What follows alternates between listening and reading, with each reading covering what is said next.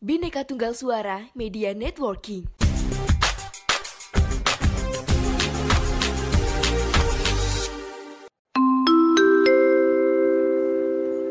Mohon perhatian.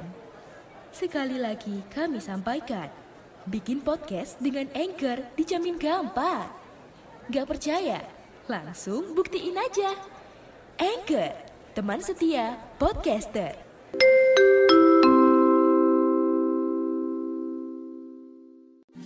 Everyone, gimana kabar kalian? Sehat selalu dong ya, jangan sakit-sakit.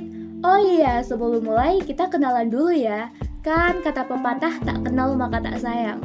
Kenalin, nama aku Tasya Oktavia Putri, kelas 11 jurusan IPS dari SMA Negeri 1 Tuntang. Mungkin di sini teman-teman udah nggak asing lagi nih dengan adanya berita-berita di TV ataupun sosial media. Kalau banyak orang yang dipenjara karena bersuara. Waduh, waduh, karena apa tuh?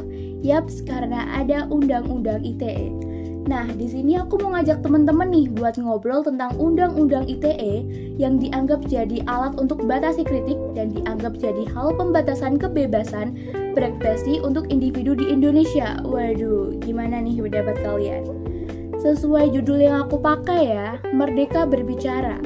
Menurut kalian, merdeka berbicara itu apa sih? Apakah berarti bebas berbicara seenaknya atau berbicara tanpa takut mendapatkan somasi? Hmm, aku persilahkan deh buat kalian tafsirin sendiri. Nah, merdeka bersuara. Mungkin pada hari ini banyak sekali represi yang dilakukan pemerintah ketika ada salah satu individu atau golongan yang mengkritik atau menyinggung mengenai personal maupun program yang dilaksanakan pemerintah. Kritik tersebut dapat berupa kalimat sarkas dan bersifat satir yang diketik di media sosial, atau bahkan dilakukan dengan belak-belakan dalam wawancara, sampai-sampai ada juga yang mengemasnya dalam komedi seperti stand-up komedi dan meme. Namun, di sinilah mimpi buruk bernama Undang-Undang ITE ini hadir.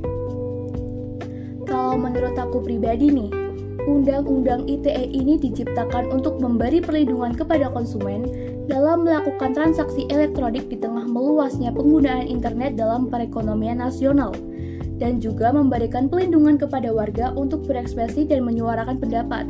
Jelas dong aku bakal bilang setuju. Tapi pada saat ini keberadaan Undang-Undang ITE ini menghapus potensi masyarakat untuk menyuarakan atau adu pendapat. Apalagi ketika sasaran kritiknya adalah pemerintah Justru ini menindas ruang kebebasan yang akhirnya merugikan peradaban masyarakat. Padahal kan Pak Jokowi sendiri yang minta dikritik ya. Peradaban mengenai Undang-Undang ITE yang mengemuka ini terjadi karena beberapa pasal yang kerap kali digunakan dalam kasus terkait kritik, penghinaan, dan pencemaran nama baik. Lah, Padahal kan kritik dan penghinaan itu bisa dibedakan ya. Kita sebagai rakyat juga boleh dan punya hak untuk mengkritik kebijakan atau kinerja pemerintah ketika tidak sesuai atau not on the right track. Di kontroversi yang meluap ini, parahnya nih, kasus pembungkaman kritik ini banyak terjadi di tingkat lokal karena cakupan media yang sempit akan daerah setempat, bikin kasus pembungkaman tidak terekspor dan akhirnya dibiarkan juga tidak ditangani sesuai yang seharusnya, dan kondisi ini menyebabkan represi negara atas kebebasan untuk mengkritisi menjadi terdesentralisasi. Padahal nih, di era demokrasi ini, kebebasan bersuara dan berpendapat seyogyanya dimaksud untuk mengawasi kebijakan atau program kerja di suatu negara demi kemakmuran bersama. Pemerintah haruslah berbenah dalam hal ini bisa aja dengan cek and recheck keadaan lapangan. Kalau memang layak dikritik, ya wajib legowo ya guys ya. Jangan sampai nih ada pemuda yang berpikir kritis dan para aktivis yang masuk bui karena pemerintah yang gak legowo dikritik dan bahkan dijerat pasal ujaran kebencian. Duh, ampun dah. Tapi nih, setelah banyaknya kontroversi di mana-mana, Bapak Presiden kita Joko Widodo mengusulkan untuk merevisi Undang-Undang ITE ini Aku jelas setuju dong. Karena banyak pihak-pihak yang menyalahgunakan niat baik UU ITE ini, terutama para pejabat yang kelakuannya memang dajal level dan sayangnya anti kritik banget.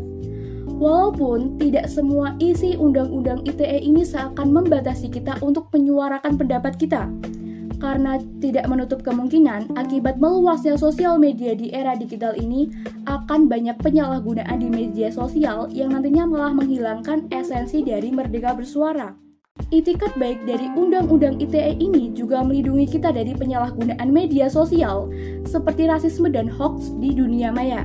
Ya, pasti ada pro dan kontranya ya teman-teman dan tidak selamanya juga yang kita anggap buruk ini akan selalu buruk. Sebagai menutup, ada quotes nih dari aku. Merdeka bersuara adalah merdeka mengatakan kebenaran dan merdeka bersuara bukan berarti kita dapat berbicara seenaknya. Nah, makanya mari kita bersuara dengan kebenaran dan sesuai konteks yang terjadi ya Al. Waduh, gak terasa nih kita udah di penghujung aja. Saking keasikannya bahas pasal Undang-Undang ITE ini. Oke okay everyone, sekian nih dari aku. Aku Tasya Oktavia Putri, pamit undur diri dan sampai jumpa lagi. Bye-bye.